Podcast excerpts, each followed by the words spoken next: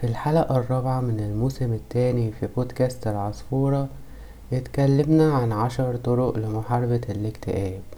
فأهلا بيك في الحلقة الرابعة من الموسم الثالث والمرة دي عايزين ناخد زاوية مختلفة عن نفس الموضوع.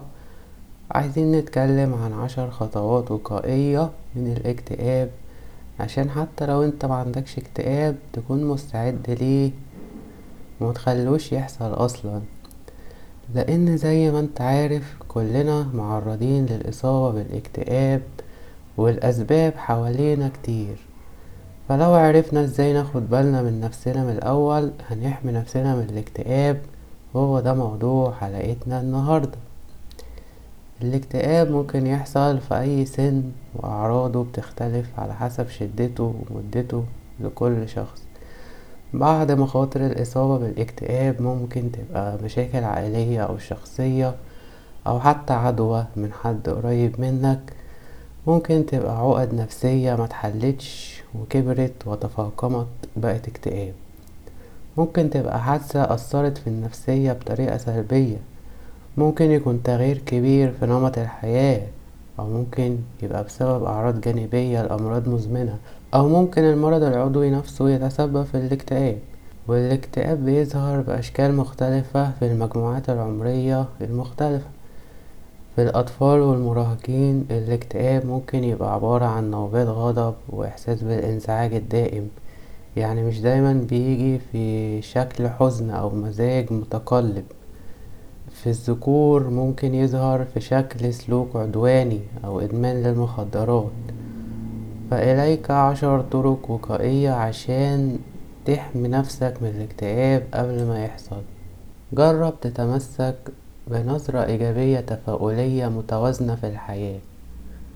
ابدأ يومك بتوكيدات إيجابية. دي أقوى خطوة ممكنة عشان تبقى متفائل وقوي باقي اليوم. بعض التوكيدات الإيجابية اللي ممكن تستخدمها ممكن تبقى حاجة زي أنا بحب نفسي كل يوم. أنا قادر وفعلا ناجح في إني أخلي يومي جميل. أنا ناوي أشتغل عشان أعالج الأمور الصعبة في اليوم. أنا قادر على تغيير أفكاري لتغيير يومي للأفضل. أنا المتحكم في أفكاري ومشاعري طول اليوم بثقة وشجاعة. أنا واثق في نفسي وواثق في قدراتي عشان أعدي يومي بسلام. خلي التوكيدات الإيجابية جزء أساسي من يومك كل يوم وفكر فيها. كل ما تكررها أكتر كل ما هتصدقها من جواك وتلاقي ليها مردود إيجابي على حياتك ككل. لأنهم بدل ما بيخلوك تركز على المواقف السلبية بيساعدوك توجه طاقتك في اتجاه تاني منتج أكتر وإيجابي أكتر. ومع الوقت هتبقى جزء طبيعي وتلقائي في شخصيتك. يبقى لو انت في حالة نفسية سليمة خاصة في الظروف الصعبة الاكتئاب مش هيتجرأ يهوب ناحيتك. ولو فعلا حاول يقرب منك هيلاقي حيطة سد. ولو عدى منها انت برضو نفسيتك هتكون أقوى وهتقدر تعافر معاه. وأنا هنزل مقطع تيك توك تقدر تحمله وتنزله وتخلي التوكيدات الإيجابية معاك دايما وتسمعها وترددها كل يوم الصبح. بس روح على ال account بتاع بودكاست العصفورة عشان تنزل المقطع واعمل متابعة بالمرة. ال link هتلاقيها في ال description. ثانيا احتفظ بمذكرات الشكر. برضو زي روتينك الصباحي في ترديد التوكيدات الإيجابية. اتعود على روتين ليلي في كتابة كل المواقف الإيجابية والسعيدة والحكيمة والمريحة اللي حصلت أثناء اليوم.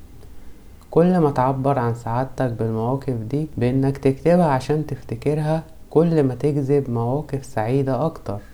وده زي ما بيقول قانون المطابقة. لو كنت سمعت فقرة شرح قوانين الكون الاتناشر في الحلقة السابعة في الموسم التاني فده كمان هيساعدك تتحكم في الأفكار السلبية أكتر وتنام نوم عميق مفهوش أحلام مزعجة. ولو حسيت بأن الاكتئاب ابتدى يفتكرك افتح الكراسة أو الكشكول اللي بتكتب فيها وافتكر المواقف الحلوة دي وعيشها تاني في خيالك عشان تطرد الاكتئاب. املى خيالك بمواقف إيجابية وما تديش الاكتئاب مساحة أصلا. أبحاث علم النفس بتأكد إن ممارسة الشكر كل يوم بتحسن وتزود الصحة النفسية والثقة بالنفس. ثالثا تكلم بإيجابية حتى عندما لا تقصد. يقولون إن تفاحة واحدة في اليوم هتخلي الدكتور بعيد. وأنا بقول خمس أفكار إيجابية في اليوم هتخلي الاكتئاب بعيد. ومع مرور الوقت الأفكار الإيجابية هتبقى تلقائية وعقلك بالتدريج هيعيد بناء نفسه ويفكر بإيجابية أكتر زي ما قلنا. عادي إنك في الأول لما تقول التوكيدات الإيجابية تحس إنها غريبة عليك أو حتى صعب تصدقها وده غالبا لأن عقلك متبرمج على الأفكار السلبية فلما تتكلم كلام إيجابي مش هتصدق نفسك. هيبان إنك بتبالغ مثلا أو بتقول أي كلام بس واظب عليها وما تستسلمش حتى لو أنت مش مصدقها. هي بتاخد وقت على ما تتفعل في أفكارك وتنتشر. سيب الأفكار تاخد وقتها عشان تترسخ وتولد أفكار إيجابية تانية. إحنا كلنا عايزين نزرع النهاردة ونحصد بكرة بس الحياة مش كده. الحاجات الحلوة بتاخد وقت. المهم اعمل اللي عليك وواظب على التوكيدات الإيجابية على الأقل لمدة تلات شهور متتالية. وهي أصلا هتجيب مفعول معاك من أول أسبوعين تلاتة بس أنت لازم تستمر فيها حتى لو أنت مش مصدقها في البداية. أربعة نام زي الطفل. النوم جزء لا يتجزأ من الصحة العاطفية وقلته بتخليك مش مستقر نفسيا ومشتت. وغالبا الواحد بيحس بالإزعاج والغضب وعدم الصبر لما ما يكونش نايم كويس. فقدان النوم المزمن ممكن يأثر سلبيا على حياتك بأنه يساهم في تطور الاكتئاب. فعشان كده لازم تعطي الأولوية للحصول مش بس على كمية كافية من النوم لكن كمان جودة عالية منه. خلي النوم يعالجك نفسيا بترتيب أفكارك. حاول ما تسهرش كتير ولا تطبق الراحة الجسدية مهمة جدا لأنها بتكمل الراحة النفسية بس ما تبقاش كسول بحجة الراحة وبرضه ما تضغطش على نفسك لما تكون عايز تنام. خمسة استخدم ال social media بعقل.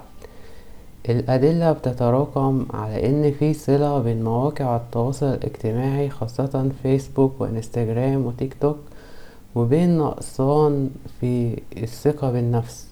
وصعوبة في قبول شكلك والاكتئاب والتوتر. تجنب الأشخاص ال toxic وكومنتاتهم على بوستاتك واستخدم ال social media في نشر الأخبار الحلوة.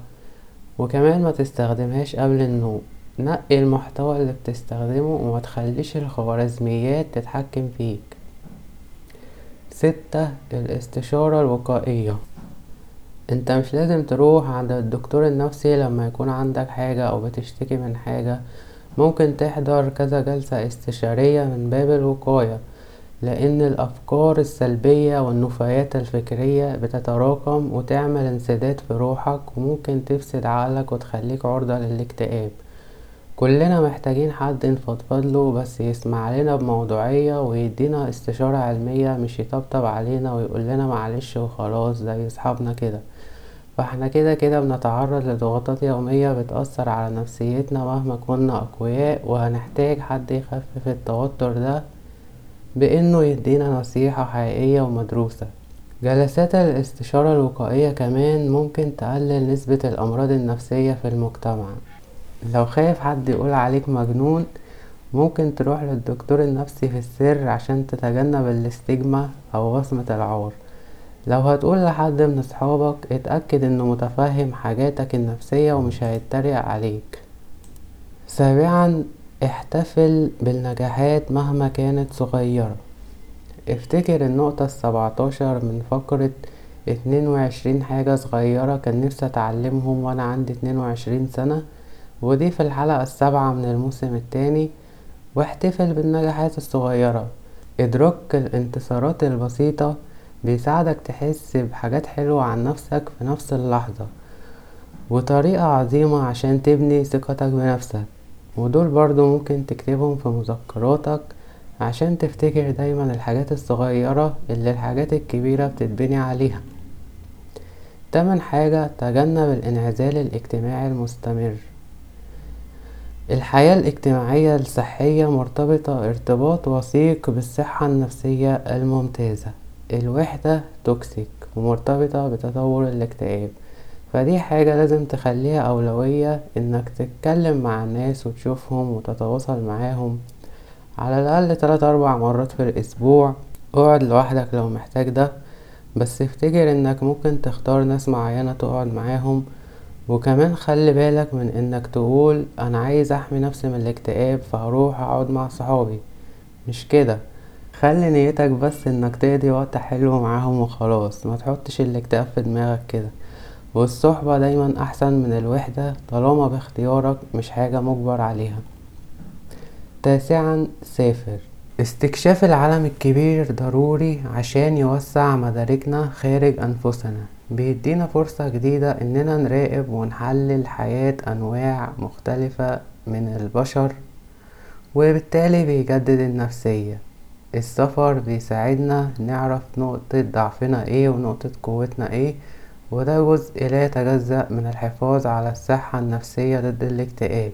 لو انت شخص بيوتي يعني بتحب تقعد في البيت كتير وقعدتك في البيت على طول ممكن تلعب ألعاب جوه البيت بس ال video games ما تعتبرش ممارسة للصحة النفسية. في أنشطة تانية زي الكتابة والرسم والتلوين والطبخ. بس السفر هنا مش معناه إنك تصيف في الساحل أو سفرية شغل وتقول أنا كده سافرت. سافر من أجل السفر وتغيير الجو يعني حرفيا. عيش تجربة السفر من غير ما تكون مرتبطة بمتعة أو شغل. ده هيفضي مساحة في عقلك عشان تفكر في الحاجات المهمة بالنسبة ليك. فرصة تعيد ترتيب أوراقك وتشوف أنت عايز إيه من نفسك ومن الحياة. كده هتقدر تحمي نفسك من الاكتئاب. عاشرا دور على الدعم النفسي. حوط نفسك بناس تشجعك ومهتمة بصحتك النفسية فعلا وفاهمين أهدافك. اقرأ أو اتفرج على أفلام وفلوجات تحفزك وتتعلم منها. ولو ملقتش اسمع بودكاست العصفورة. عندنا دلوقتي أكتر من عشر ساعات ممكن تسمعهم وقت ما تحب. ممكن برضه تعملك جروب على الفيسبوك وتجمع ناس مهتمين بنفس اهتماماتك. التواصل معاهم هيعوضك شوية عن الوحدة. بس خلي بالك ما تنغمسش قوي ويبقى هما بديل افتراضي للتواصل في العالم الحقيقي. لو عرفت تقابلهم في الحقيقة يبقى خير وبركة. بس ما تخليش علاقتك كلها إلكترونية عشان ما تسطحش معرفتك بالناس. حاول تتواصل مع ناس حقيقيين في العالم الحقيقي. أصدقائي مستمعي بودكاست العصفورة في جميع الكواكب في مجموعتنا الشمسية بفكركم جميع سكريبتات الموسم التاني متوفرة على موقعي. روحوا اشتروا الكتاب واستنوا نهاية الموسم التالت عشان هننزل كل السكريبتات ساعتها. بس الموسم ده مطول شوية معانا فهيكون فيه حلقات أكتر.